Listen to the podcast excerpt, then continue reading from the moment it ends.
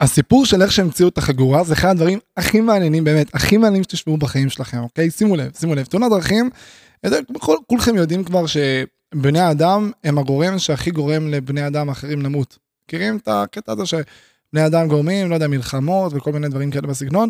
אז תאונת דרכים, שזה משהו שגם קשור לבן אדם עצמו ולא נניח לטבע או לחיות לאכול אותו, מה שיכול לקרות פעם.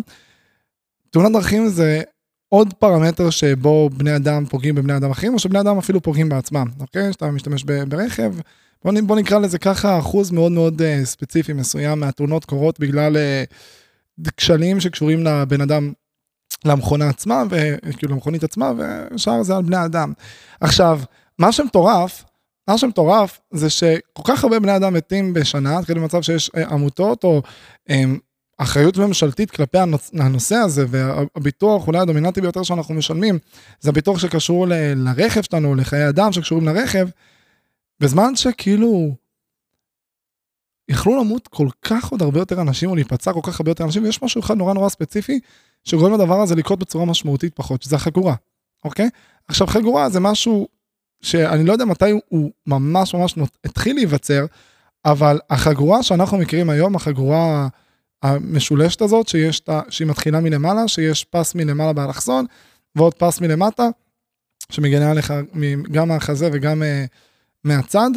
המנגנון שלה זה משהו שהוא לא כזה, לא, לא היה מאז ומעולם, היה שלב שמישהו מסוים המציא אותו. עכשיו יש משהו מאחורי הסיפור של ההמצאה שלו, שהוא פשוט פסיכי ברמות, ששם אני רוצה להעביר את אחת הנקודות הכי יפות והכי קריטיות שלכם, אז זרמו איתי. זרמו איתי.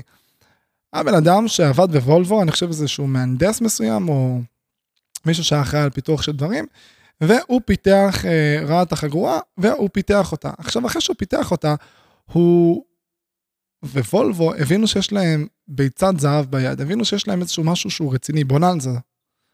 שאם עכשיו אנשים יבינו שהחגורה מפחיתה בצורה משמעותית את תאונות הדרכים, הם יכולים ליצור סטנדרט של הדבר הזה, לרשום על הדבר הזה פטנט, ואז יקרה אחד מהשתיים, או שכל האנשים יקנו וולבו כי זו מכונית בטיחותית יותר בזכות החגורה המיוחדת שבמחקרים מסוימים סטטיסטיים ראו שהדבר הזה טה טה טה טה טה טה, או שהם יביאו זיכיון להשתמש בפטנט של החגורה לחברות רכבים אחרות, ואז הם יכולו לעשות מזה אחלה כסף, ונניח היו גובים שקל על כל אה, שימוש בחגורה שיחד עם הפטנט, זאת אומרת שעל כל רכב פוטנציאלי שנוצר בעולם היו מרוויחים שקל גם אם הוא לא היה קשור אליהם, שקל, 10 שקל, 100 שקל, לא משנה כמה.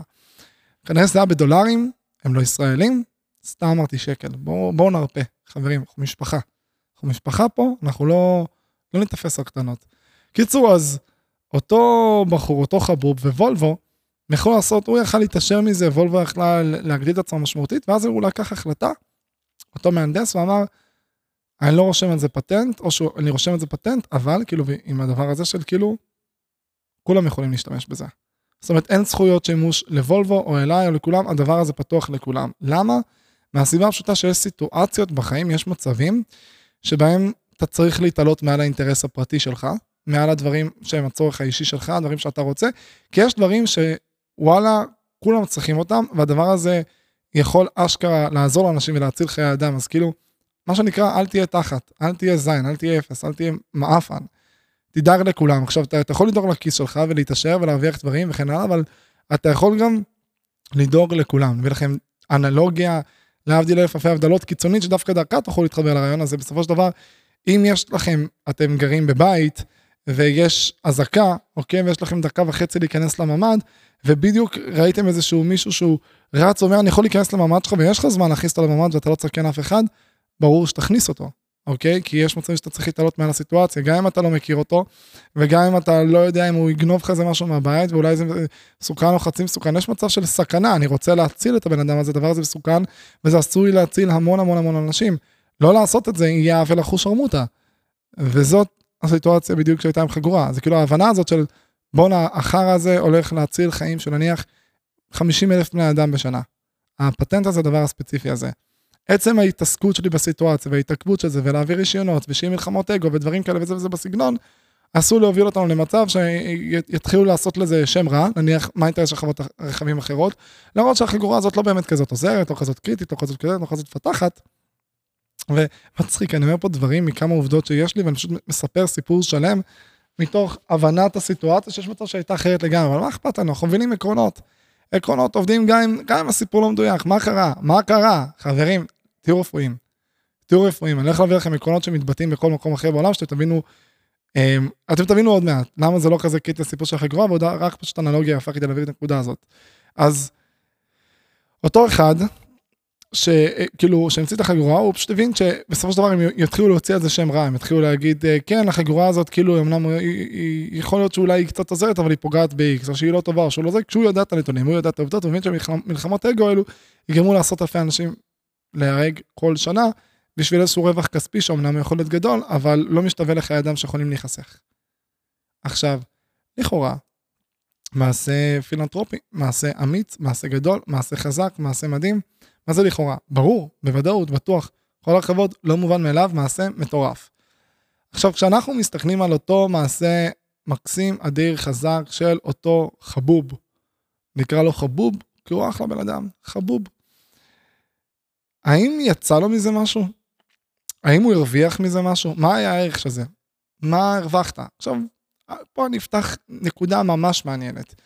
אני מהאנשים האלה שמחזיקים בדעה, בגישה, בפרספקטיבה, בדרך חיים, קראו לזה איך שאתם רוצים, שעדיף לעבוד בחינם בסיטואציות מסוימות בחיים. מה? למה? אתה דפוק? תכבד את מה שמגיע לך? תעריך את עצמך? מה, אתה לא תעריך את עצמך? מה יש לך? אתה בטראנס אפל? אתה בלופ? חברים, נרגע. יש מצבים שבהם הרבה יותר עדיף לבן אדם לעבוד בחינם בגלל שהערך שהוא יקבל מהעבודה בחינם יהיה הרבה יותר גבוה מהשכר הפוטנציאלי או העתידי, כאילו מהשכר של אותה סיטואציה בדיוק. ואני אסביר. אם בן אדם עכשיו, לצורך העניין, הולך לעשות תואר שלוש שנים במדעי המחשב, אוקיי? עושה תואר של שלוש שנים במדעי המחשב, כולו בסבבה וזה, מסיים את התואר אחרי שלוש שנים, סיים, ואז הוא הולך לעבודה ומרוויח 15-20 אלף בחודש. בשלוש שנים האלה הוא שילם על התואר נניח 35 אלף שקל, והזמן שהוא יתעסק בללמוד את התואר, בללמוד המבחנים ולהתעסקות בו, נקרא לזה, כוח השתכרות שלו היה לפי, הש... נניח הוא יתעסק בזה 100 שעות בחודש, כוח ההשתכרות שלו היה 80 שקל לשעה, בתור איזשהו מלצר, או 60 שקל לשעה, נלך על משהו שהוא יותר, אה, תוכלו להתחבר אליו. 6,000 שקל בחודש הבן אדם יכל להרוויח, אה, על המאה שעות שהוא יתעסק בתואר בחודש, מה שכנראה היה יותר גבוה, אבל נניח רק 100, 6,000 שקל בחודש, נניח התואר זה 10 חודשים בשנה, כי יש אה, חופשות בין לבין, יש תקופות מבחנים שאתה לומד, ויש תקופות לימודים שאתה לומד, ויש איזה חודשיים במצטבר של אה, בין סמסטר, אם תקראו לזה או קיץ או whatever. נניח הוא גם עושה מועדי ב', אוקיי? משהו שהוא כן הגיוני. עשרה חודשים כפול 6,000 שקל, 60 אלף בשנה. קחו את השנה, את השנה הזאת, שנה ועוד שנתיים ועוד שלוש.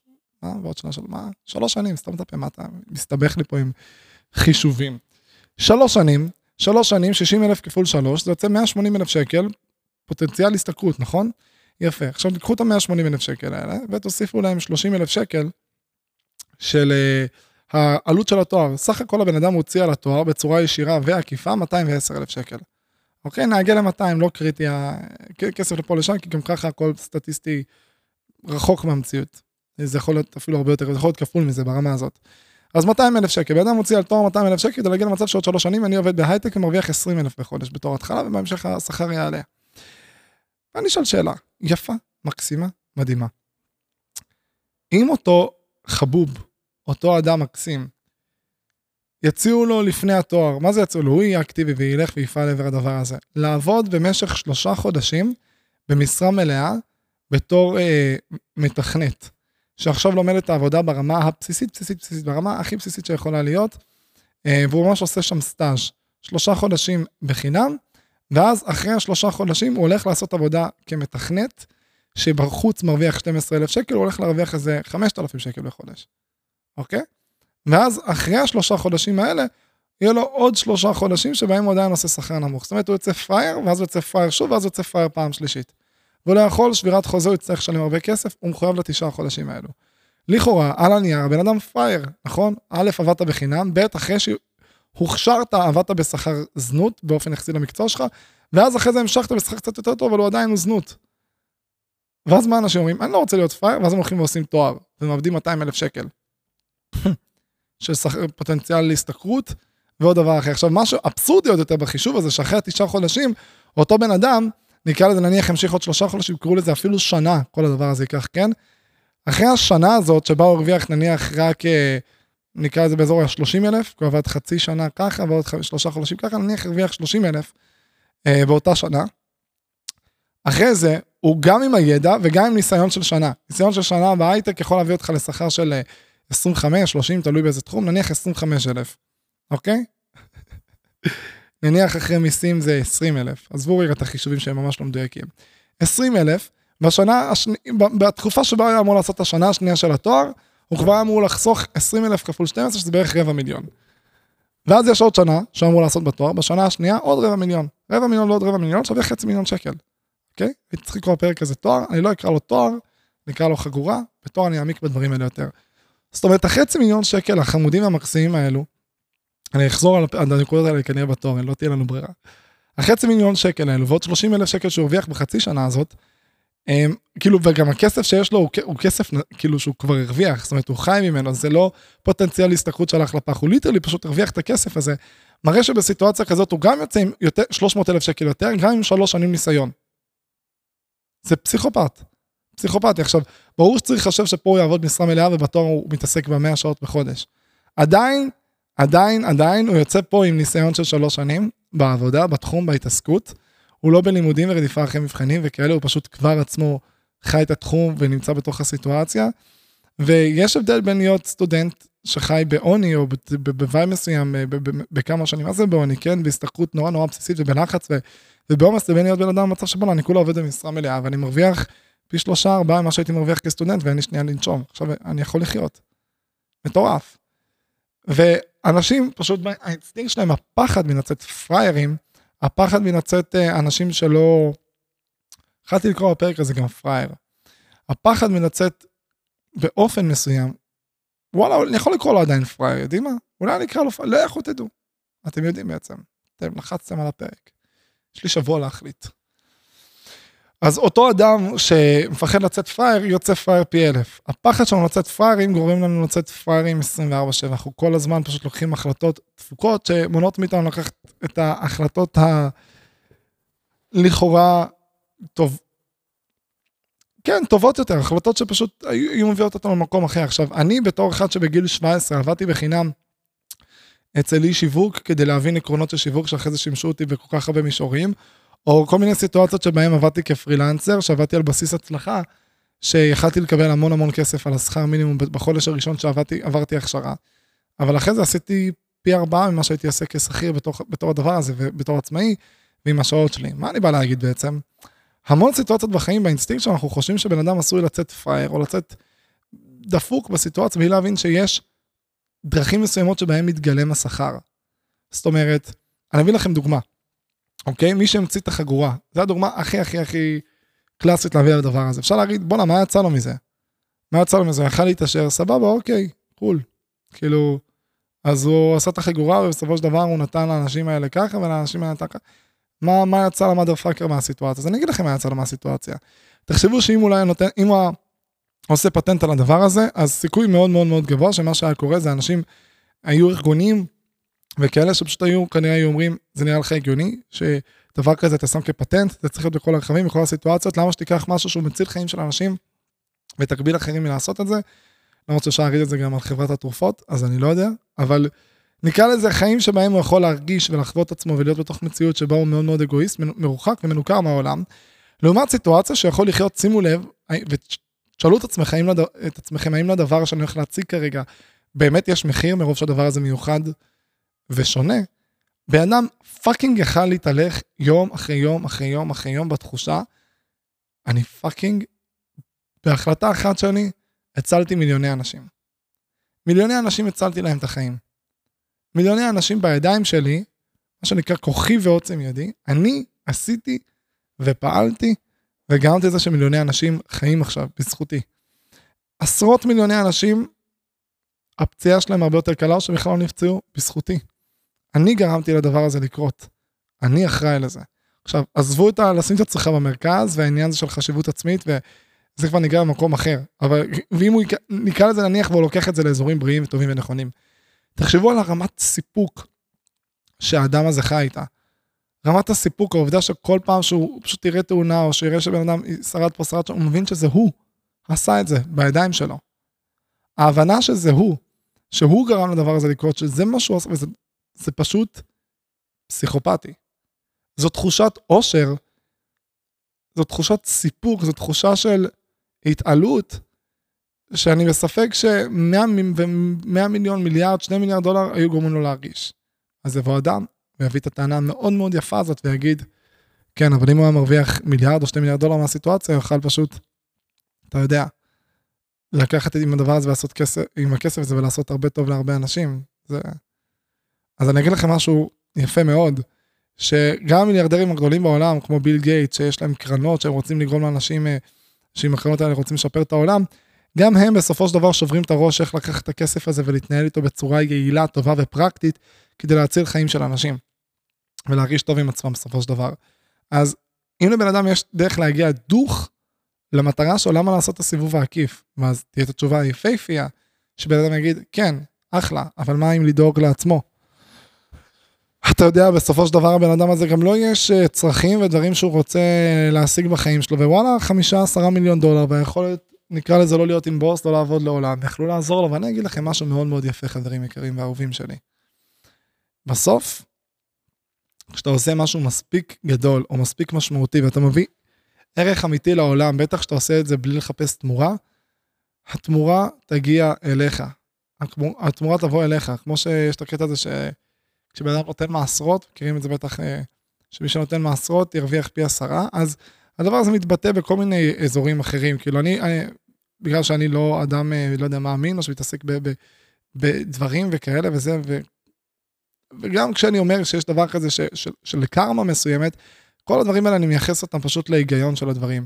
הגיוני שכשאדם פועל בצורה מסוימת, אז בבירור הוא יקבל בצורה מסוימת שקשורה אליו בחזרה, לא בגלל שהיקום זוכר לך ואז הוא מחזיר לך, אלא בגלל המון פרמטרים הגיוניים שקורים בהתאם. כי אם נניח אתה עושה רע, אז אנשים יבינו שאתה אדם רע ויקחו ממך מרחק, או שלא ירצו להתקרב אליך ולעזור לך בדברים אחרים, ואז אתה תהיה לבד בסיטואציה, ואם אתה פועל בצורה רעה, כנראה זה קרה מלכתחילה כהיה לך רע, ואם מלכתחילה היה לך רע, אז כנראה שזה הולך לפרוץ בכל רגע, ואתה עם קליפות שמכסות את זה.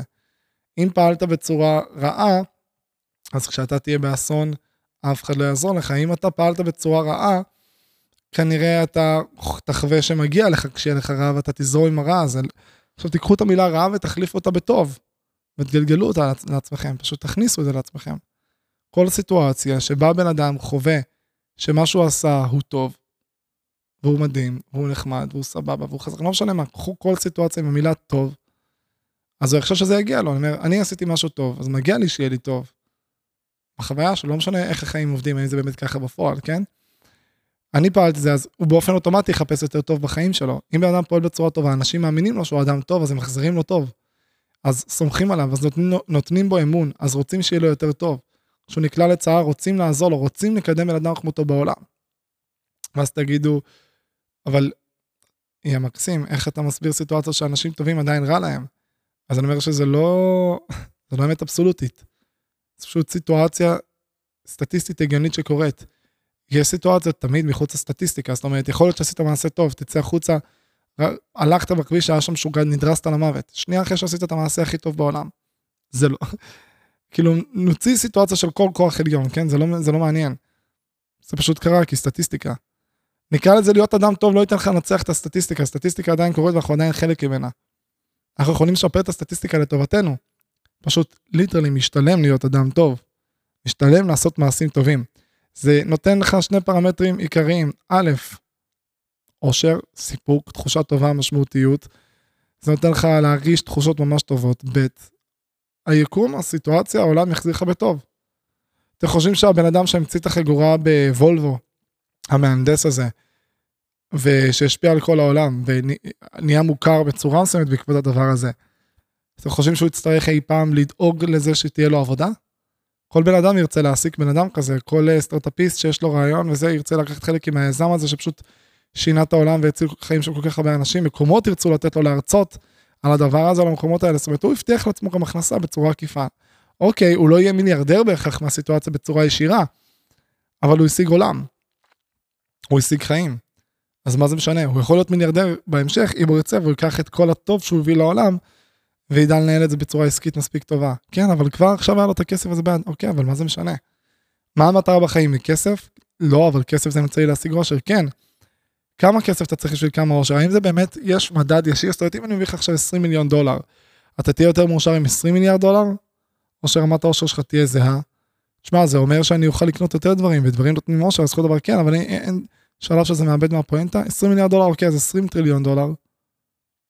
מבינים?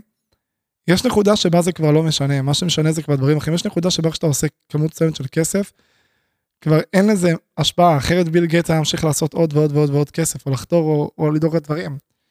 לעומת פשוט לדאוג, לדברים שיעשו את העולם טוב יותר, או שייתנו לך סיפוק או משמעות או ערך. והמון אנשים מפספסים שכשמגיעה להם סיטואציה עם המון המון משמעות, שפשוט מגיעה להם מול הפרצוף, אז הם כזה, אוקיי, בוא נדאג שנייה לדברים או לצרכים שלי או לדברים האלה, ואז אחרי זה אני אעשה את זה, וזה מה שאני עשיתי. במהלך החיים שלי מלא פעמים. שאני כל הזמן הייתי בפינג פונג הזה, מה ששיתפתי אתכם המון לאורך הפרקים, של כאילו, אני קודם כל אדאג שנייה לצרכים שלי, כדי שאני אוכל בשקט אה, ובראש שקט לדאוג לכולם, וזה, והייתי בפינג פונג המזדיין, אז בלי להבין שהדבר הזה יכול לחיות בהרמוניה ובשלום. שהדבר הזה יקרה ביחד. שאפשר אשכרה לשלב בין הדברים, ואם אנחנו רק נתעסק, ולהבין שהם קשורים גם אחד לשני. זו נקודה ממש חשובה, להבין שיש קשר ישיר בין העובדה שבן אדם נותן לעצמו, נותן לעולם ערך משמעותי, משאיר חותמת, נותן ערך אמיתי, פרקטי, בוודאות הדבר הזה יחזור אליו. זאת אומרת, אני המון המון המון המון שנים אמרתי, אני בגיל 35-40, וזה אני אתחיל להביא את הערך לעולם, אני אצבור עוד ניסיון ודדדדה, ואני אעביר את זה הלאה. ובינתיים מתעסק ב... לעשות כסף, לעשות דברים שכיפים לי, לחוות, עניינים, לטייל וכזה, זה בא ביחד. זה בא ביחד. על להפריד את זה, זה מה שינתק אותך גם מעצמך בסופו של דבר. יגרום לך לא להתחבר לרגשות או לצרכים שלך, וגם שלך. דחפתי אותך, ופתאום גם את נכנסת לשיחה. את פה, אני יודע שאת פה. כולכם פה. אנחנו קבוצה. בואו נרקוד, בואו נשמח. לכן יש, הסיפור של החגורה בעיניי, מייצג את כל הסיטואציה הזאת של להגיד, אני לא לוקח את ההצעה הראשונה שיש, האינסטינקטיבית, אני חושב על האם יש הצעה טובה יותר שאני יכול לקבל מבחינת הצורך שלי כבן אדם. ופה ברמה הבסיסית לשאול את עצמכם, מה אני באמת צריך כבן אדם? מה, מה הנקודה שבה אני יכול לפצח את זה יותר? זאת אומרת, אם יש נניח לבן אדם את הפירמידה של הצרכים שלו, נניח, אז יש לו את העניין הזה של הצרכים אה, בסיסיים, אוקיי? כל האוכל, קרקע, פיפי, סקס וכאלה, ואז יש לו את העניין הזה של הביטחון, של הוודאות לגבי דברים, מקום מחסה וכאלה, ויש לו חום ואהבה, שזה קהילה שתדאג לו, שזה ביטחון בצורה הרבה יותר גבוהה, וגם בכללי להרגיש עטוף, ואז משמעות, להרגיש משמעותי, ואז עניין של אה, מוסריות, לתת ערך לעולם. אז כשסיטואציה מגיעה אלינו, אנחנו יכולים לשאול את השאלה, כמה אני יכול לכסות מהפירמידה מהסיטואציה? האם, האם אני דואג בצורה הבסיסית רק לצרכים הראשוניים שלי, או שאני מחפש את הכל? והמון פעמים בלי לשים לב, אנחנו לוקחים החלטות וחושבים על דברים ומחפשים אותם, בגלל שאנחנו באים ממקום מסוים שהתרגלנו אליו, שראינו את ההורים שלנו, את הסביבה שלנו, שבאופן כללי זה מה שחשבנו על עצמנו לאורך כל החיים, אנחנו בוחרים משהו מהצרכים הנורא נורא בסיסיים שלנו. תן לי כסף שייתן לי אוכל. קורת גג, תן לי ביטחון, אני אעשה את זה בשביל להשיג אהבה. ואז כאילו אנשים הולכים, אני ארגיש משמעותי, אני ארגיש חשוב, אני ארגיש מכובד, אני ארגיש זה זה זה זה. בלי להבין שיש פסגה שהיא הרבה הרבה יותר מדויקת לנו. התחושה הזאת של לתת לעולם, התחושה הזאת של לשנות דברים, לקדם דברים, לפתח דברים, אבל אני גם בעצמי, גם אני אומר, בסוף, שאנחנו צריכים לדאוג לצרכים הבסיסיים שלנו, וברור שמבחינתי, עם הבן אדם הזה של החגורה, אם הוא, אם הוא לא היה לוקח את ההחלטה של אה, להביא את זה לעולם, אז הוא היה רעב ללחם, ואז אחרי זה בוודאות מפסיד את הסיטואציה ואת החיים ומת. אם זה באמת מה שהיה מוביל אותו, אז תשמור על עצמך מן הסתם קודם כל.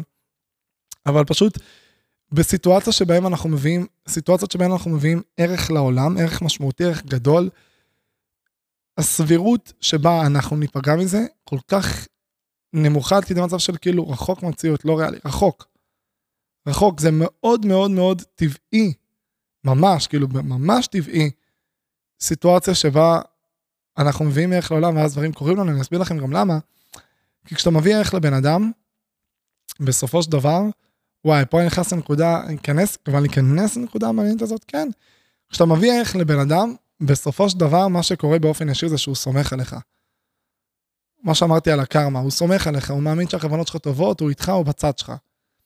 וכשבן אדם מרגיש ככה כלפיך, כשבן אדם איתך בראש, כשבן אדם איתך באווירה, בסיטואציה, אז אתה הצרכים הבסיסיים שלך יתקיימו, כי אם נניח סתם לצורך העניין, ראיתי, אה, וואי, איך אני אסביר את זה? נניח, דוגמה ממש פשוטה, בן אדם רוצה להיות מדריך בצופים, או לא יודע, בני עקיבא, שדעתי פה, אוקיי? זה לא מדויק לו בחיים, אבל, כאילו החיים שלו לא מדויקים כרגע, והוא הולך להתנדב. מה קורה באופן אוטומטי? הוא נמצא במקום שהוא נותן, ואז כשהוא נותן, המסגרת הזאת תדאג לו לצרכים, כי... אה, זה אפילו, זה דוגמה טובה, אבל אני מפחד שזה לא יעביר את זה טוב. אני אתן לכם דוגמה הכי פשוטה, עזבו, מה אני מסתבך איתכם עם תנועות נוער? אם בן אדם עכשיו הולך להתנדב בעמותה, וואי, דוגמה בת זו דוגמה שתמיד עוברת לי בראש, תדעו. נניח יש עמותה שמביאה אוכל לאנשים רעבים, לא יודע, זקנים, חולים, ניצולי שואה, שמביאה אוכל, ואתה הולך להתנדב בעמותה הזאת. אתה לא תהיה רעב. אתה לא תהיה רעב, כי אם יש לך סיטואציה קשה בחיים, אז אתה חלק מהאנשים שגם ככה צריכים את האוכל מהעמותה. אתם מבינים? אז כאילו כשאתה דואג לאנשים אחרים, באופן אוטומטי אתה גם דואג לעצמך. ואם העמותה הזאת, המטרה שלה זה לחפש אנשים חלשים ולחזק אותם, באופן אוטומטי ידאגו לך. זאת אומרת, אם בן אדם, אם עכשיו נניח יש חוזר בשאלה, שהעיפו אותו מהבית, חרדלש, מה שנקרא, חרדי לשעבר, העיפו אותו מהבית, הוא הלך לעמותת הלל. אם הוא, אם בן אדם כזה יתנדב בעמותת הלל, באופן אוטומטי הוא גם מקבל את כל הדברים שקורים בעמותה. באופן אוטומטי הוא יקבל, לא יודע, את המגורים, את הדברים ברמה הכי גבוהה שיש, והוא גם מקבל את המשמעות העצמית שלו, שהוא ירגיש אדם שהוא משמעותי שנותן ערך, והוא גם ירגיש את הסיפוק שנותן לאנשים דברים. את הערך הפילנטרופי, הערך הנתינה של המוסר וכן הלאה. זאת אומרת, יש דרכים שבהם אנחנו יכולים לממש את עצמנו בצורה הרבה הרבה הרבה יותר טובה והרבה יותר גבוהה. וזה העניין של לחפש לחיים עצמם משמעות, כמו שדיברתי עליו בפרק הקודם. ברגע שאנחנו מוצאים משהו מסוים, שאנחנו הופכים אותו ל... למשמעותי עבורנו, ואנחנו מקדמים אותו ומפתחים אותו בעולם הפרטי או הרחב, שלנו הרחב, החיים שלנו הרבה הרבה הרבה יותר מתקדמים וצומחים. אם לצורך העניין ניקח אה, דוגמה אה, מודרנית, רלוונטית, כן? מישהו מהתחום, אה, נקרא לזה מישהו מוזיקאי, אוקיי? שרוצה לקדם דברים. יש לו קודם כל את. הוא יכול להיות ממש בצרכים הבסיסיים שלו, להגיד, אני חייב אה, אה, אוכל וכאלה, אז אני כאילו אעבוד, אה, אה, אני אהיה הומלס ואני קושש אוכל ברחובות, ותהיה לי את הגיטרה שלי, ואני אנגן לעצמי כשיש לי זמן, אבל אני כאילו אקושש אוכל ברחובות, אני אחפש בפחים. יש את הסיטואציה שבן אדם יגיד, אוקיי, אני רוצה ודאות, אני רוצה להגיע למצב שיש לי יותר צרכים, אז אני אעבוד בעבודה מסודרת, ואז יהיה לי בית, תהיה לי קורת גג, ואני אנגן, ומדי פעם אני אחפש אנשים ואני אנגן איתם. ואז יש בן אדם שאומר, אני רוצה חום ואהבה, אני רוצה קהילה, אני רוצה להרגיש חלק ממשהו. אז הוא לחפש מוזיקאים, והוא מתחבר לאנשים, ועושה כל מיני דברים שנותנים לו משמעות, או אפילו מתחיל לנגן ברחוב כדי לקבל חום ואהבה ומשיג קצת קהל. יש את האופציה היותר מתקדמת, שבן אדם אומר, רגע, רגע, רגע, אני רוצה משמעות לדברים. נניח עכשיו, ניקח מישהו מתחום ההיפ-הופ, איזה ראפר, כן, אומר, אני רוצה משמעות לדברים, אז תתחיל לכתוב טקסטים. טקסטים בעלי משמעות, והוא רוצה להרגיש אדם משמעותי, אז הוא מקדם את הקריירה שלו, כי הוא רוצה להיות הכי טוב והכי גדול. אז באיזו רמה, אנחנו חושבים על זה, כן, אנחנו מתייחסים לזה, אבל בן אדם רוצה להרגיש איזשהו ערך שהוא מגיע לאיזושהי מטרה ומקדם איזשהם דברים שהם חשובים לו ברמה האישית, או מה שזה לא יהיה, ואז גם הערך הזה מתממש. לעומת בן אדם שאומר, רגע, רגע, רגע, רגע, מה אתם עושים? אני בתחום ההיפ-הופ והראפ ואני רוצה לקדם את החרא הזה בארץ. נקרא לזה, נדמיינו איזה מישהו לפני 10-15 שנה, לפני שהדבר הזה נהיה מיינסטרים פעם שנייה. זה היה מיינסטרים בסאבלימינל והצל, מי שזוכר. כן? לפני שהדבר הזה חוזר אותו מסר, אני רוצה להפוך את הדבר הזה למשהו רציני, כן?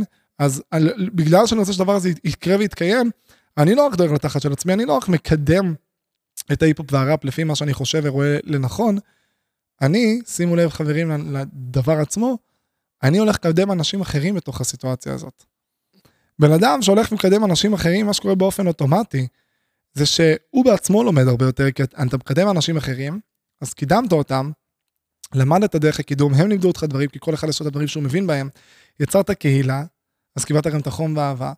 בוודאות הם ידאגו לך, כי אתה דאגת להם. זאת אומרת, אם לקחת בן אדם וקידמת לו את הקריירה, והוא פרץ או התפתח, או שטוב לו, שהוא מאושר, תמיד יהיה לך איפה לישון, יהיה לך חברים, אנשים שיעזרו לך כספית, לא משנה במה שאתה רוצה.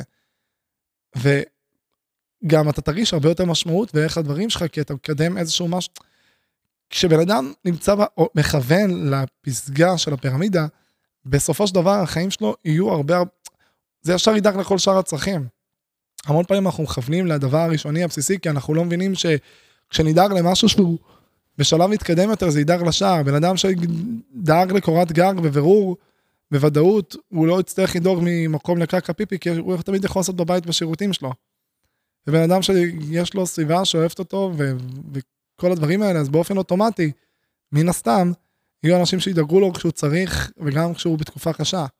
כשבן אדם מרגיש משמעותי ויש לו איזושהי משמעות, והוא באופן כללי מקדם דברים, אז יש לו מוטיבציה, הוא קם בבוקר, אז הוא ידאג לכל הצרכים שלו, וכשבן אדם דואג לאנשים אחרים, אז יש לו מוטיבציה בשביל לקום בשביל איזשהו משהו שהוא אפילו גדול יותר ממנו, אתם מבינים?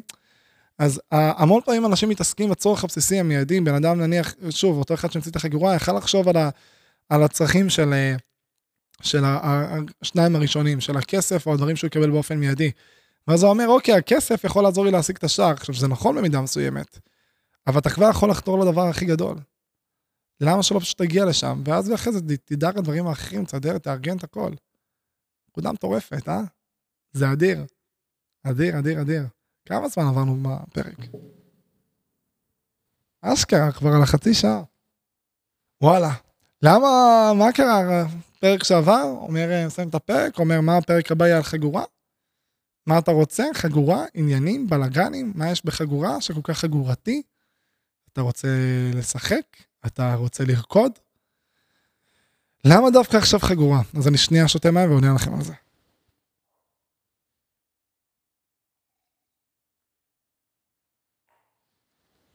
אני נמצא עכשיו בסיטואציה מסוימת בחיים, כאילו עד פה החלק הלימודי של הפרק בצורה הבסיסית שלו, אני עכשיו אקדיש את החצי השני של הפרק להעביר נקודה דרך משהו שקורה כרגע בחיי. משהו שעובר עליי, משהו שאני מרגיש, משהו שמתנהל בחיים האישיים שלי. ואני אשתף, התחלתי לשתף את זה בפרק הקודם, עכשיו אמרתי לכם, אני לא יודע, אני אשתף אתכם, אני אכנס לזה, אני אכנס לזה אחר כך. עכשיו אני הולך להיכנס לזה, עכשיו אני הולך לשתף אתכם בהכל, אני הולך להעמיק, אוקיי?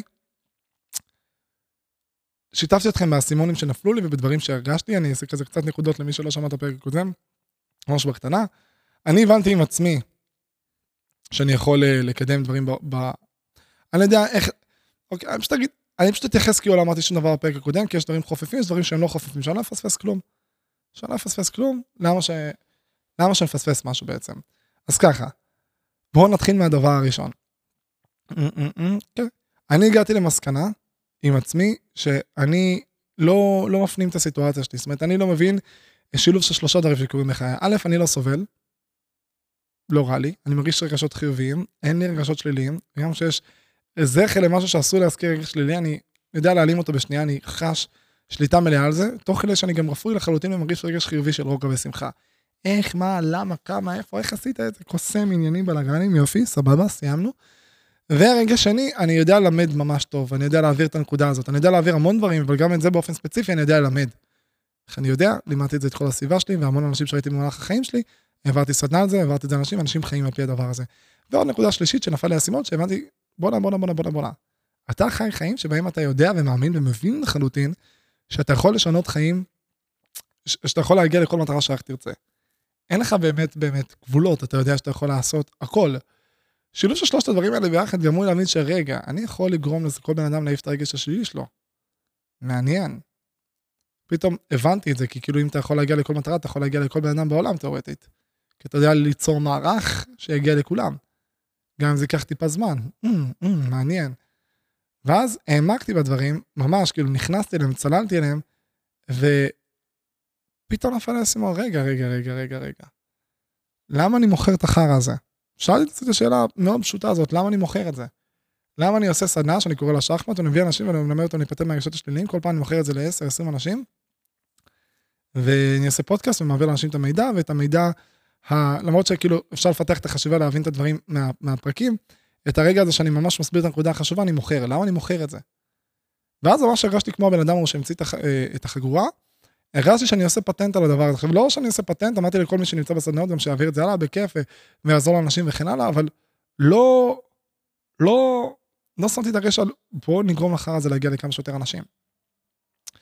זה היה כזה, אוקיי, אני אוציא ספר עוד חצי שנה, אני מאמין, משהו באזורים האלו, אני אעביר את הדבר הזה, ואז פשוט אקח את הסדנאות ואני אעשה אותן יותר, יותר המוניות, אני אגיע לאנשים, ונניח 300-400 איש יחוו את זה בשנה, 500 איש. אני כזה, בואנה, מה, אני זין? אנשים סובלים, אנשים uh, מתאבדים, אנשים רע להם, נדפק להם המוח, מרגישים כלואים, מרגישים זין כל הזמן, ואני מסתכל על הדבר הזה מהצד ואני אומר, כן, אני יודע לפתור את הדבר הזה, ואני לא עושה עם זה כלום. עכשיו, מה זה לא עושה עם זה כלום? כן, יש את הפודקאסט, אני כל הזמן, אנשים פונים אליי ואני עוזר להם לפתור דברים, אבל אני לא מביא להם את לב העניין. זאת אומרת, אני כן מבין למי שמשלם כסף בסדנה. עכשיו, הדבר הזה הגיוני בתוך מציאות שזו הפרנסה שלי, כן? אני מתפרנס מסדנאות, ו... ונניח הופעות ועוד כל מיני דברים בסגנון וספר. אם אני מתפרנס מהדברים שאני נותן הלאה לעולם, אז מן הסתם שאני לא יכול להביא אותם פשוט לכולם ככה בחינם, כי זו ההכנסה שלי. תיקחו לי את זה, אז תיקחו לי את ההכנסה. מה ששם אותי בתוך מצב, שימו לב, הישרדותי, אני דואג לצרכים הראשונים והבסיסיים שלי. הבנתם? וזה למה המון פעמים אני אמרתי לעצמי, אני רוצה לעשות כסף כדי להגיע למצב שכשאני מביא ערך לאנשים, אני יכול לשים דגש על להביא ערך בלי להתחשבן על כסף, פשוט להביא להם את הערך. אבל מצד שני, אז מה, אז אני שנתיים לא אביא לאף אחד ערך, אז עדיף שאני כבר אביא ערך ואני אמכור אותו. זו הייתה המחשבה שלי. ואז אמרתי, רגע, רגע, הנה, תראו מה זה עשה עם שחמט, זה גרם לי להצטמצם. זה גרם לי להצטמצם.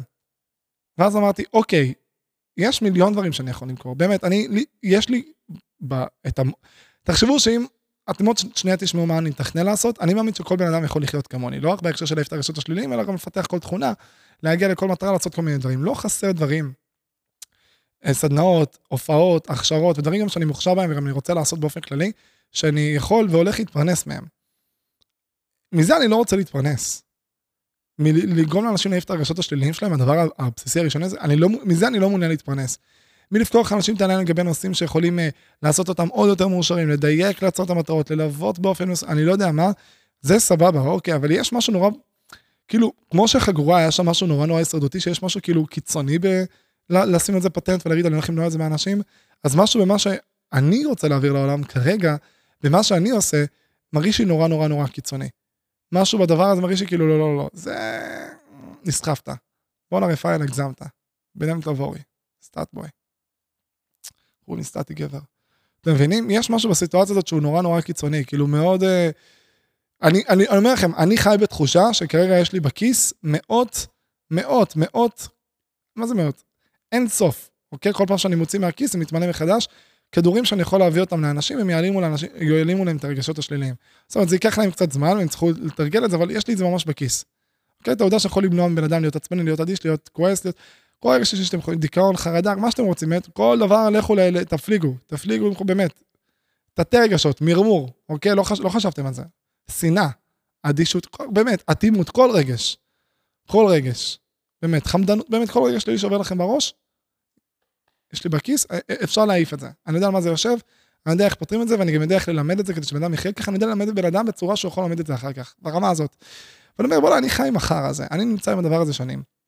עכשיו, זה לא רק שאני נמצא עם הדבר הזה שנים, אני גם תקופה רואה בעיניים איך אני מלמד את זה, שנים אני כבר עושה את זה לחברים שלי. איך הדבר הזה, אני לא מעביר אותו לכל האנשים בעולם. עכשיו תבינו, הרגע שאני הרגשתי לפני שנים זה אני חייב שהמידע שלי יעבור הלאה לעולם, אז אני מתחיל לכתוב מאמרים ולעשות את זה, ורק לפני, אני חושב באזורים של חצי שנה, כשממש אה, הכרתי את ליה והתחלתי לעזור לה בכל מיני דברים, הבנתי עד כמה משמעותי מה שיש לי בידיים ועד כמה זה למיד, ועד כמה קל ללמד ולהעביר את זה, ו... ואז שהייתה את התקופה הזאת, שמעתי אנשים, תשלחו לי את החלומות, את הדברים שאתם רוצים לפתור, בעיות שיש לכם, ואז פשוט לא הייתה בעיה שבן אדם שלח לי מתוך באמת 500 אלף, משהו באזורים האלה, הודעות שקיבלתי, שפתרתי לאנשים, לא היה משהו אחד שהיה קושי, שהיה לי קושי, שאני לא הבנתי, כי פשוט אני מבין איך לחשוב, אני מבין איך להבין את הדברים, ואני גם יודע איך להעביר את הגישה הזאת שכל בן אדם יכול לחיות עם הדבר הזה. זה נשמע כאילו אני בא למכור משהו בסוף, אני לא הולך למכור כלום, באמת. עזבו אותי מפרנסה כרגע. ואז התחלתי לתהות עם עצמי, כי כאילו כבר הייתי אמור לפתוח את המחזור הבא של הסדנאות, של השחמט, טלפורט, מתכון. התלבטתי מה לעשות, אמרתי אוקיי, אני אמכור את הסדנה הזאת, לא, אני אמכור את הסדנה הזאת, מה אני אעשה? כי משהו הרגיש לי לא מדויק בקריירה, באסטרטגיה, בדברים, כאילו, הרגיש לי שאני רוצה scale רחב יותר. אני תכננתי להגדיל, לשתף אתכם כאילו בתוכניות שהיו לי. התכנון שלי היה להמשיך עם הסדנאות עוד איזה שני רבעונים, במקביל לכתוב את הספר, ואז הייתה לי אסטרטגיה ממש קיצונית, מטורפת, אה, להוצאה של הספר, שהיה אמור לצאת באזור נניח אה, אחרי החגים, אוקטובר-נובמבר, אה, ואז שם אני אעשה השקה מאוד גדולה, שתציף מודעות, ואז על זה שאתה יכול למכור את הדברים במסה הרבה יותר רחבה ולהגיע ליותר אוזניים ולפתור להרבה יותר אנשים בעיות, גם אחרי שהם קנו את הספר, ואז יותר קל לעשות את זה להם. ואז הבנתי עם עצמי, כאילו נפל לי האסימון שכאילו, מה אני מחכה חצי שנה? לא רק מה אני מחכה חצי שנה, אחרי שחשבתי על זה, אמרתי, מה אני בכלל חוסך את זה מעולם? ואז אמרתי, לא רק מה אני חוסך את זה מעולם, למה אני לא משקיע כל שנייה ביום כדי להעיף את החרא הזה לכמה שיותר אנשים? למה, איך זה הגיוני שיש לי, שוב, הבאתי את הדוגמה הזאת, נראה לי בפרק הקודם, שדיברתי על זה בכלל בסרטון אחר, שכאילו יש בן אדם, אוקיי, אני לא יודע אם אתם מכירים את הסיפור הזה, שיש לו גן מסוים בדם שלו, שברגע שיש אותו, יש לאנשים מחלה מסוימת, שכשיש את הדם, עם הדם שלו, זה פותר את המחלה הזאת, משהו מטורף. אמיתי, דמיינו מישהו שיש לו נניח איידס, סתם דוגמה, כמחלה ויש למישהו דם שיש לו נוגדנים לאיידס, בדם שלו. אי אפשר להפוך את זה לחיסון, צריך פשוט שיהיה לו נניח 200, 200 מיליליטר דם, ואז פשוט זה מנצח את האיידס. זה הופך את הדם, באופן, לא, הבנתם, אני לא מדען, תשחררו, תרפו. אז אותו בן אדם עושה אה, תרומות דם איקס פעמים בשבוע, כאילו ברמה הזאת, תרם מאות או אלפי, לא משנה, אלפי תרומות דם במהלך חייו, והציל חיים של עשרות או מאות אלפי אנשים. מטורף. זאת אומרת, כל אחד מאיתנו בסופו של דבר, אני מניח, היה רוצה לעשות את זה, לעשות את זה, כדי לתת לו להרגיש סיפוק, משמעות וכן הלאה. לא משנה אם אתם עושים את זה בהתנדבות, חצי התנדבות, עצם הפרסום של הסיפור ברחבי העולם, והייתם אומרים לאנשים, אני רוצה להמשיך עם הדבר הזה, פשוט תתמכו בי, תנו לי את היכולת כאילו אה, לחיות ולהתקיים, תדאגו לצרכים שלי. זאת אומרת, ברגע ש... ברגע שיש לך משהו שהוא מציל חיים לאנשים, אתה תתפרנס. לא יעזור בית דין. ברגע שאתה נותן לבן אדם משהו שעושה אותו מאושר יותר, אתה תתפרנס. יש לך ערך בידיים, זה יגיע לאחרים, הם ירצו לשלם לך כסף על משהו. אני לא מדבר על תרומות או נדבות בכך, פשוט על משהו. אמ, אז מה אני אומר? בסופו של דבר, מה שאני חוויתי ברגע שלי זה שיש לי את אותו דם שיש לבן אדם הזה, שאני יכול להעביר את הדם הזה ולעשות תרומות כל הזמן ולהעביר את זה לאנשים. זאת אומרת, אני יכול לקחת את המידע שיש לי, את החוויה שיש לי, את הדברים שיש לי, ולשנות עם זה את העולם. יכול לשנות עם זה את העולם, אני יכול, אני, אתה חושב שאני מתהלך איתך כל הזמן, כן? כי זה לא רק על עושר, יש לי את זה לגבי כל תפיסה. אני יודע שאם נניח עכשיו היו שמים 7-8 מיליארד אנשים כמוני בעולם, ב... לא יודע, חלקו את זה חצי חצי גברים ונשים, אם לא כמוני, כאילו מבחינת אה, זה, אתם מבינים? מבחינת אה, תפיסה. כן, שיהיו אנשים שונים לחלוטין לגמרי, כל אחד עם ה vibe שלו, אבל עם אותם עקרונות של תפיסה, ואז קחו את זה לאינטרפרטציה עם הסטייל האישי שלכם, באהבה. העולם היה אוטופי. אני יודע את זה כי אני חי בשלום עם עצמי, ואני חי בשלום עם כולם, ואין לי שום, אני מבין גם למה ואיך, וכאילו, וגם אני מבין איך, אם היינו, נניח, אלף רפאלים חיים ביחד, אז אני מבין איך היינו מתנהלים, כאילו יש לי כבר פיצוחים לאיך היינו מתנהלים מבחינת העולם והחיים כדי להפוך את זה לשם.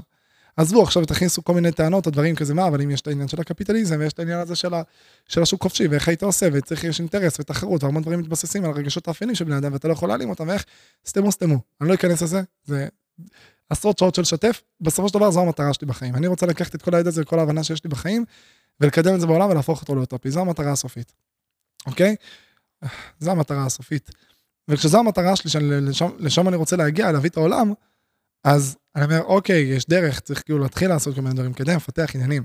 אז קודם כל ברמה הבסיסית, אני רוצה לקחת את הידע שיש לי לגבי רגשות שליליים שקיימים בעולם, כל הסבל וכל החרא הזה, ולפתור אותו לאנשים.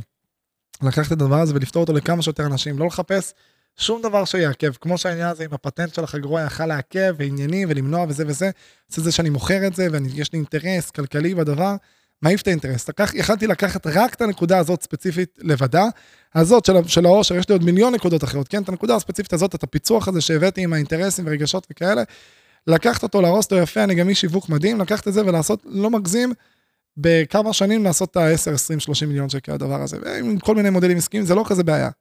זה לא כזה בעיה לקחת את הדבר הזה, לעטוף אותו, לסדר אותו, לשים, באמת, זה עניין טכני לחלוטין, ולהתפרנס מהדבר הזה בצורה הזאת, לצאת לחופש כלכלי, ברכה, שפע, מדהים. לא מעניין. לא מעניין, כי הכסף גם ככה יגיע, החופש הכלכלי, מה שאתה רוצה, יגיע, anyway. ברגע שאתה משנה את העולם, ברגע שאתה משנה את המדינה, ברגע שאתה פותר דברים לאנשים, אנשים יהיו נכונות לשלם לך כסף, גם ככה דברים אחרים. צא מהתחת של עצמך, צא מה... שאתה חמש רמות של מסלו נניח, צא מהשתי רמות הראשונות הבסיסיות, תקדם הלאה לדברים האחרים, תקדם למקומות האלה של המשמעות, של המוסר של להביא דברים הלאה לעולם, תקדם, תפתח אותם. וכשיצאתי מהתחת של עצמי, והתחלתי להסתכל על דברים ככה, אז קודם כל אשתף אתכם שהרגשתי הרבה הרבה יותר קרוב לעצמי, אני גם מניח שאתם שומעים את זה עליי. אה, בפרק הזה, אתם שומעים אותי מדבר אה, בפלואו, אני עוד שניה מרפרפ לכם כאן, כן, אני מרוב המהירות של הדברים, כי אני מאוד מאוד חווה הזדהות עם, ה, עם האישיות שלי ועם הרגשות כשאני נמצא במקומות האלה. מה ששיתפתי אתכם, שכאילו, נפלו לי אסימונים שקשורים לעניין הזהותי עם עצמי, בלה בלה בלה וכאלה וזה וזה, וזה אומר, מה ששיתפתי אתכם בפרק של יוצר תוכן, אחרי זה התקדם אה, בפרק של משמעות החיים. אז פה ממש אתם יכולים לשמוע אותי, אני בזון שלי. אני בזון שלי חברים, אני כאילו נמצא בנקודה, בסבבה.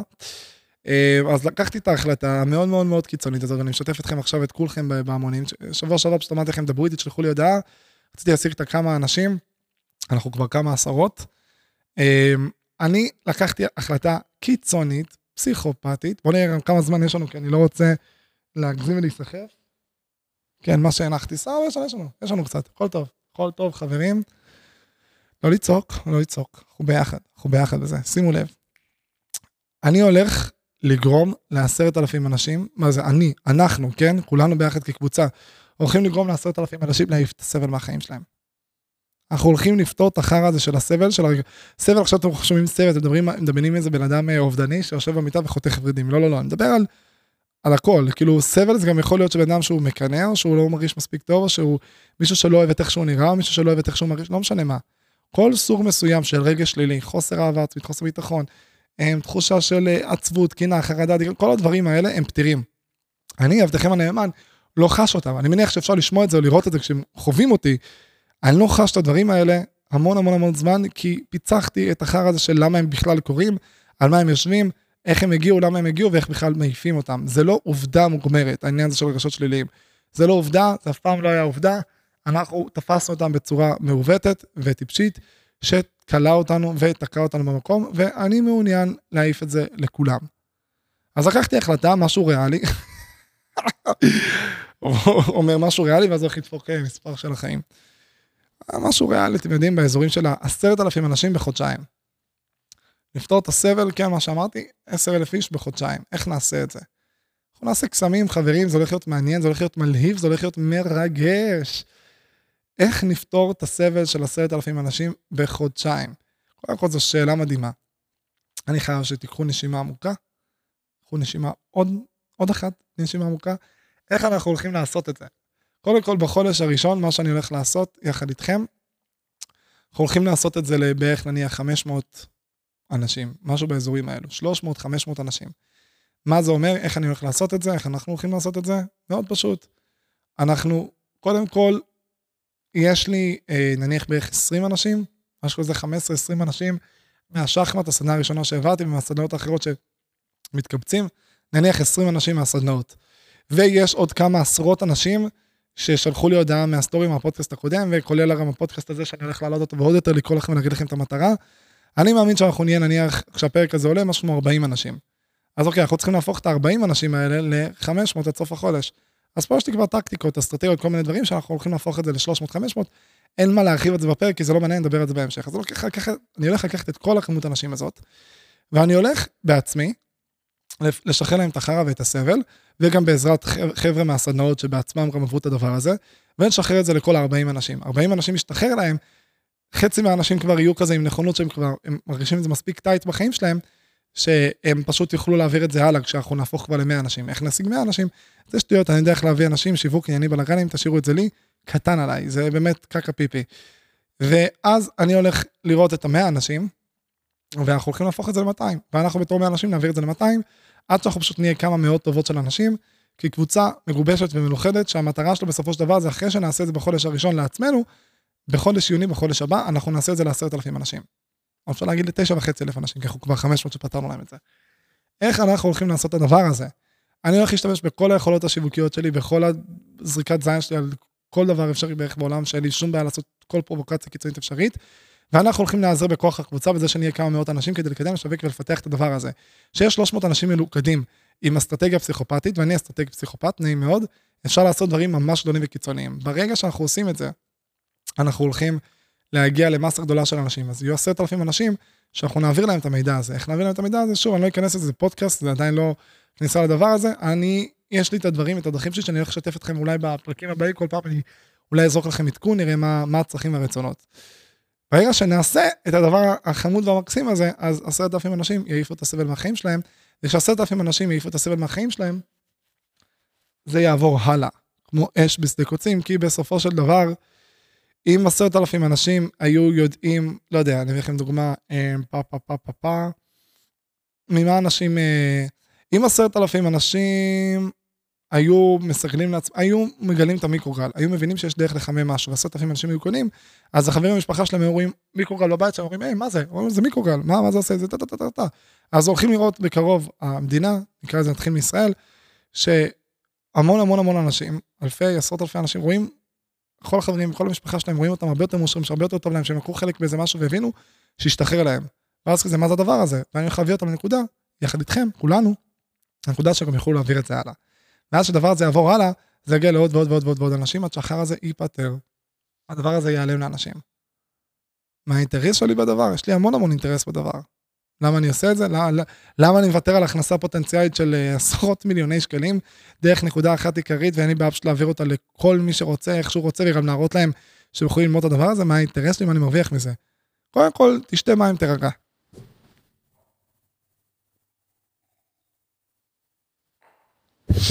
אז ככה, האינטרס שלי נורא פשוט. תחשבו על זה בצורה הכי פשוטה שאפשר, אוקיי? א', משמעות ומוסר. אני מרגיש סיפוק, כי תחשבו איך זה להתהלך בתחושה בעולם עם עצמך, כשעזרת ופיתחת משהו שגרם למאות אנשים גם להצטרף, שאתה התחלת איזושהי תנועה שגרמה להמון המון אנשים להיות מאושרים, או שאפילו יודעים מה, גם אם אני לא הייתי מפתח את זה, גם אם אני לא הייתי אחראי על זה או השורש הזה, גם אם הייתי אה, אחד מכם, הייתי לוקח חלק בלהפיץ את הדבר הזה. איזה תחושה מספקת זאת שחלק מההפצה שלי בדבר הזה, הייתה גורמת לאנשים להיות מאושרים יותר. ההבנה שאני חלק מהדבר הזה, מספקת אחוז שרמוטה. ההבנה הזאת הייתה נותנת לי תחושה של בואנה, אני הנעתי את הדבר הזה. אני גרמתי לדבר הזה לקרות, כמו דמיינו את התקופה שהייתה דיקטטורה, אוקיי, בעבר, עד שהדבר הזה הפך לדמוקרטיה, הייתה איזושהי מהפכה, נניח לא משנה באיזה תקופה, מהפכה צרפ, צרפתית, או כל מיני מהפכות שהיו, לא יודע אם המהפכה הצרפתית ספציפית, אל תכנסו איתי, באמת זה לא מעניין. כל מיני דיקטטורות שהפילו, להבין שאתה חלק מהאזרחים או מהאנשים שהפילו את הדבר הזה וקידמו את הדברים, יש בזה משהו נורא נורא מספק. אז שיש משהו גדול שקורה ברמה ההיסטורית, ברמה התרבותית, לא משנה, ולקחת בו חלק והיית מה, מהמתחילים שלו, מהדברים, יש בזה משהו שהוא מספק אחוז שרמוטה. אז מן הסתם, אני, כשאני מתחיל להניע את הדבר הזה, אני מרגיש סיפוק מאוד מאוד גדול, עד כדי מצב שכמו שהבאתי בתורה עם החגורה, שזה לא באמת, אני לא באמת צריך שום דבר מעבר כדי שהדבר הזה יספיק לי, כי כבר הדבר הזה נותן לי כל כך הרבה סיפוק שבאמת, תאורטית במחאות אני יכול למות בשקט, כאילו, what the fuck, אני עשיתי את שלי בעולם הזה, כאילו, מה, זה דבר מדהים. אז זה א', כמובן, זה חשוב מאוד. ב', יש את כל המקום הזה של, בואו, נתתי ערך לעשרת אלפים אנשים, פתרתי להם את הסבל, obviously שאנשים במדינה יסתכלו עליי בתור בן אדם שגם יודע לפתור עוד דברים ולסדר עוד דברים ולעזור בעוד דברים, ואז ברגע שאני ארצה לעשות דברים ולקדם ולפתח אותם, אנשים ירצו לקחת חלק ולהשתתף בזה. זאת אומרת שגם אם ויתרתי עכשיו על 10, 20, 30 מיליון שקל, לא משנה כמה כסף, כן, עתידיים, שיכולתי להתפרנס מהדבר הספציפי הנקודתי הזה, ושום דבר מעבר, אני יכול לעשות כסף מעוד דברים. וברגע שנתתי ערך לעולם, אז אני אתפרנס גם מהדברים האחרים. נורא קל. איזה עוד אינטרס יש לי? תחשבו שאני חי כמעט במרכאות, לבד בעולם בתוך הגישה שלי. תחשבו איזה כיף היה לחיות בתוך עולם שכולם בו מרגישים הרבה יותר טוב והם לא סובלים. מי שסובל רע לו, אז הוא רע לאחרים. לחיות בתוך עולם כזה, הרבה הרבה יותר כיף. הרבה יותר כיף לחיות בתוך מציאות כזאת. ארבע, יבינו אותי, יהיה לי כיף לחיות בתוך עולם גם שמבינים אותי. חמש, המטרה שבסופו של דבר זה להגיע לעולם האוטופי, כדי להגיע לעולם האוטופי קודם כל צריך להיפטר מהסבל של אנשים. מדהים. אתם מבינים, יש לי המון המון המון אינטרסים בדבר, זאת אומרת, גם אם אני מוותר על הכנסת ידי, עזבו, שתבינו את הסיטואציה, כבר עכשיו אני נפגע מזה כלכלית, בחודשיים הקרובים אני 24/7 מתעסק בזה. מתעסק בזה בצורה אבסולוטית, ואני מביא לאנשים ערך ודברים שאני מוכר אותו בחוץ בעשרות אלפי שקלים. מביא אותם כי אני יודע שלפעמים צריך לשים את האינטרס הפרטי שלך בצד, לטובת מטרה הרבה הרבה יותר גדולה, ובסופו של דבר, כשאתה מתנהג בצורה הזאת, הדבר הזה פשוט מקדם אותך גם ברמה האישית. זו דרך ממש טובה לחיות את החיים, אני כל הזמן שואף להתנהג ככה, וכל הזמן להתנהג ככה, כמות הזמן שאני השקעתי במעגל הקרוב שלי, כמות השעות ש... בשיחות, ולשים להם מראות על דברים, ולקדם אותם, לפתח אותם, בלי לחשוב על אינטרס אישי, בלי לחשוב על סיטואציה, שזה פוגע בי בצורה ישירה עקיפה, לא מעניין, פשוט דואג לסביבה שלי. הדבר הזה באופן אוטומטי נתן לי reflection, באופן אוטומטי קיבלתי סביבה שהיא מאוד מאוד חזקה, ואז היא נתנה לי קונטרה להתפתח בעצמי ולהפוך למה שאני היום. אז המון פעמים ההתנהלות הבסיסית האינסטינקטיבית ההישרדותית שלנו מצד אחד נותנת לנו את התחושה שאנחנו פראיירים, אוקיי? אמרתי את המילה הזאת אם אני בסוף אקרא לפרק פראייר ולא חגורה. אם אני בסוף מתנהג בצורה שלא יצאתי פראייר, שיצאתי מלך, תותח, אלוף, אז אני מביא את עצמי לתוך פוזיציה שבואו, אני הפראייר הכי גדול. אני יכלתי להגיע למצב שאני חי בתוך עולם אוטופי ומנעתי לעצמי עולם אוטופי כי דאגתי לאינטרסים הבסיסיים שלי. רציתי לדאוג לעצמי לעוד זמן פנוי, אז מעולה, עכשיו אני לבד בעולם ולא השגתי עצמי סביבה שבאמת מבינה אותי. כאילו, צריך לצאת מהתחת של עצמנו ולהבין את הסיפור הגדול ולחתור לעבר מטרות גדולות יותר. אז יש לי אינטרס מאוד מאוד גדול לעשות את זה, והדבר הזה הולך לקרות. חודש ראשון כמה מאות אנשים, חודש שני עשרת אלפים אנשים אנחנו הולכים להגיע אליהם. זו המטרה ועל זה, זה אנחנו הולכים להתאבד, חברים. וואי, זה הולך להיות חודשיים מטורפים. האמת אני אשתף אתכם, שיתוף סתם מהצד שלי, כאילו, אני מרגיש, אתם, שוב, אני מניח שאתם שומעים את זה הרבה הרבה הרבה יותר בבית שאני מתנהל בסדרי גודל האלה. אתם לא מבינים כמה טבעי לי לעשות דברים בסדר גודל הזה ולחשוב בצורה הזאת, פה אני מרגיש את האישיות שלי. כל בן אדם, שוב אני גם אגיד לכם את זה, קחו את, כל מה שאני אומר לעצמי, קחו כרפלקט אליכם. בן אדם מרגיש טוב, סיפוק, אושר, כשהוא עושה דברים שהם הרבה הרבה הרבה יותר הוא, בזהות שלו, בהתנהלות שלו, בחשיבה שלו, ביום יום, הדברים שהוא עושה. תחפשו דברים בשאיפה כמה שיותר כל הזמן, שהם יהיו בסדרי גודל שלכם. אם אני מחפש לעשות דברים גדולים, תמיד בבטן שלי, אז כל עוד אני לא עושה דברים גדולים, אני אמנם יכול להרגיש סיפוק ורגשות חיוביים ומשמעות, וכל מיני התעסקויות שיהיו לי, אבל אני לא ארגיש בבית עד הסוף, אני לא ארגיש בזון שלי עד הסוף, והדבר הזה יגרום לי באופן אוטומטי להרגיש שאני לא במאה אחוז סיפוק שלי וכיף וחיות, ובזהות החזקה והאמיתית שלי. אז קחו את זה כהמלצה. בואו נראה עוד כמה נשאר, כי אני כן רוצה... בואו נראה. יאללה, יש עוד כמה דקות. אני אתן לכם שתי נקודות. שתי נקודות לסיום. אחת, אני יודע שזה לא הפרק, אני יודע שזה לא בהכרח ההקשר וכאלה יותר, יש מצב שאני אדבר על זה יותר בפרק שיקרא תואר, אבל אני כן רוצה שתיקחו את זה כבר עכשיו כחווה כל יום שאין לכם את הדבר הזה. תנסו כמה שיותר, באמת חפשו כמה שיותר את המקומות האלה שאתם יכולים פשוט להשיג את הצרכים הגבוהים יותר. את המקומות של ה... נקרא לזה של המוסר יותר, חפשו תיאוריות הצרכים של מסלו, פירמידת הצרכים, פירמידת מסלו, לא משנה מה. תראו כזה מה יש ממש במקום הראשון. כל הדברים האלה של נתינה, של המוסר, של הערכים, של הפילוסופיה, של התפספות, של העמקה ודברים. תחפשו את האזורים האלו הרבה יותר, באופן אוטומטי, אני אומר לכם, הדברים האלה פשוט נותנים את הכל. אני כל פעם שאני רואה אנשים כזה עצובים ומבואסים, אני אומר להם, פשוט תעשה מעשה טוב, תעשה איזה משהו טוב, תיתן איזה משהו לאחים, אתה תראה שבאופן אוטומטי, אתה תרגיש טוב יותר, אתה תצא מהתחת של עצמך, אתה תבין שאתה לא הסיפור, ואתה תראה את הכל בצורה טובה ובאופן אוטומטי זה יחזור אליך. זה יחזור אליך, אין לכם מושג. אני אומר לכם, בתור בן אדם שבאמת, יש לי 100% ביטחון ו-100% ודאות בזה שאני אתפרנס מעצם העובדה שכשאתה מביא ערך לעולם, אנשים, אנשים פשוט ירצו אותך בחברתם, אין מה לעשות, ככה זה עובד.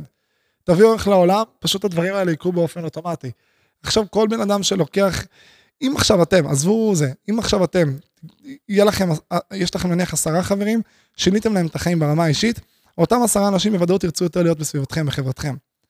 יש לכם אה, הורים, משפחה ששיניתם להם את החיים באופן אוטומטי, הם יסמכו עליכם, יאמינו לכם, יסמכו, אתם מבינים? כאילו זה, זה חוזר אליכם, אל תחפשו לדאוג לעצמכם ברמה היסודותית. אני כל הזמן רואה אנשים שבאים עם עבר מסוים, של, אה, זה לא משנה אם זה בית אה, שבור שהם באו ממנו, או איזשהו מקום שהם נפגעו מאיזושהי סיטואציה, שגורמת להם להיות מאוד מאוד מאוד מחושבים, מאוד מאוד כזה, אני צריך לדאוג לצרכים שלי, או לדברים הבסיסיים שלי, לוודאות, לביטחון, לחום והאהבה שאני אקבל מהסביבה, אז אני ארצה את כולם.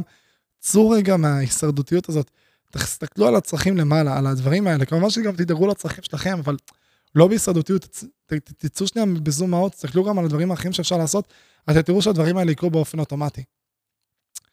ונסגור את הפרק בהזמנה. הזמנה לכל מי שנמצא כאן. אני מבחינתי, כל מי שמאזין לפרקים, כל, מי, כל המאות ששומעים את הפרק הזה כרגע והגיעו לנקודה הזאת, אתם מאזינים לפרקים, לפרק 1, 2, 10, 20, לכולם. אני רוצה אתכם, מאוד. זאת אומרת, בחודש הזה אני הולך לגייס את כל האנשים שהכי צורכים את התוכן שלי והכי קרובים לזה והכי רלוונטיים לעשייה ולהתעסקות הזאת. אני מחפש את האנשים הכי, הכי, הכי, הכי, הכי מדויקים. הכי מדויקים, והאנשים הכי מדויקים, אין מה לעשות, זה אותם אנשים שכבר מכירים את הגישה באופן מסוים, כבר אה, נקרא לזה אפילו סומכים עליהם, מבינים את הכוונות שלי, את הדברים שלהם אני שואף, עליהם אני חותר. הם האנשים, מה זה הם? אתם האנשים הכי רלוונטיים שאיתם אני רוצה לעשות את הדבר הזה, איתם אני רוצה לעשות את השינוי הזה. מי שמאזין לפודקאסט, מבחינתי, אתם האנשים, א', הכי רלוונטיים, ב', כאילו מבחינת הדברים עצמם, ב', אני מרגיש שגם אתם האנשים גם מבחינת אה, המקום שאתם נמצאים בו, בחיים האישיים שלכם, במקום הרבה הרבה יותר טוב, שיהיה הרבה יותר קל להעביר לכם את המידע ברמה הבסיסית, כדי שאחרי זה נוכל להפיץ אותו הלאה. ואני אשתף אתכם, שבתקופה הזאת, אני הולך בכל חודש מאי, פשוט לעשות את מה שהייתי לוקח עליו, נקרא לזה בתור סדנה, נניח אלף שקל, ובתור אה, ליווי אישי, כאילו, מה זה ליווי? ייעוץ אישי של כמה שעות הייתי לוקח עליו, אה, לא יודע, 1,500, 2,500 שקל. וכיום אני לא עושה לא את זה ולא את זה, כי אין לי זמן לזה, ואני גם לא אכניס את זה, אני מאמין, בתקופה הקרובה. אפס, אפס הכנסה נראה לי. מאי-יוני, באמת. נוריד את ההכנסה לאפס. טפל בזה ביולי, כבר אני אדאג לאיזה הכנסה יפה. כל הדברים האלה שהייתי לוקח עליהם כסף, אני אעשה אותם 100% בחינם. 100% בחינם. הדבר היחיד שאני רוצה מכל האנשים שמאזינים עכשיו לפרק, שאני רוצה שיצטרפו לדבר הזה. שני דברים. אחד, א', א', וזו נקודה ממש ממש חשובה, שתהיו עם נכונות להעיף כל רגע שלילי שיש לכם בחיים. תגיע למצב שאתם אומרים, אני רוצה להיפטר מהרשתות השליליים שלי, אני רוצה שיהיה לי טוב. אני רוצה להיות מאושר, אני רוצה שיהיה לי טוב, אני רוצה להרגיש שמחה, אני רוצה לפתור את החרא הזה. ואני יודע שרפאל בוודאות, כשהוא אומר משהו, כנראה שיש היגיון מסוים מאחורי הדברים שלו, לא יודע אם אני מסכים, לא מסכים, חצי מסכים, בואו נדבר, בואו נשמע, אני רוצה להיפטר מהרשתות השליליים שלי, זה א', ב', אני עם נכונות שאם החיים שלי משתפרים, משמעותית, מגיע למצב שטוב לי, החיים שלי נעשים באמת באמת טובים, אני רוצה לעזור לה, להעביר את זה הלאה. ואני רוצה להעביר בנקודה מה הכוונה בלהעביר את זה הלאה. להעביר את זה הלאה, הכוונה שלי לא שתשמעו עם ההורים שלכם אחד על אחד ותעבירו להם את הגישה, לא, לא, לא, לא, לא.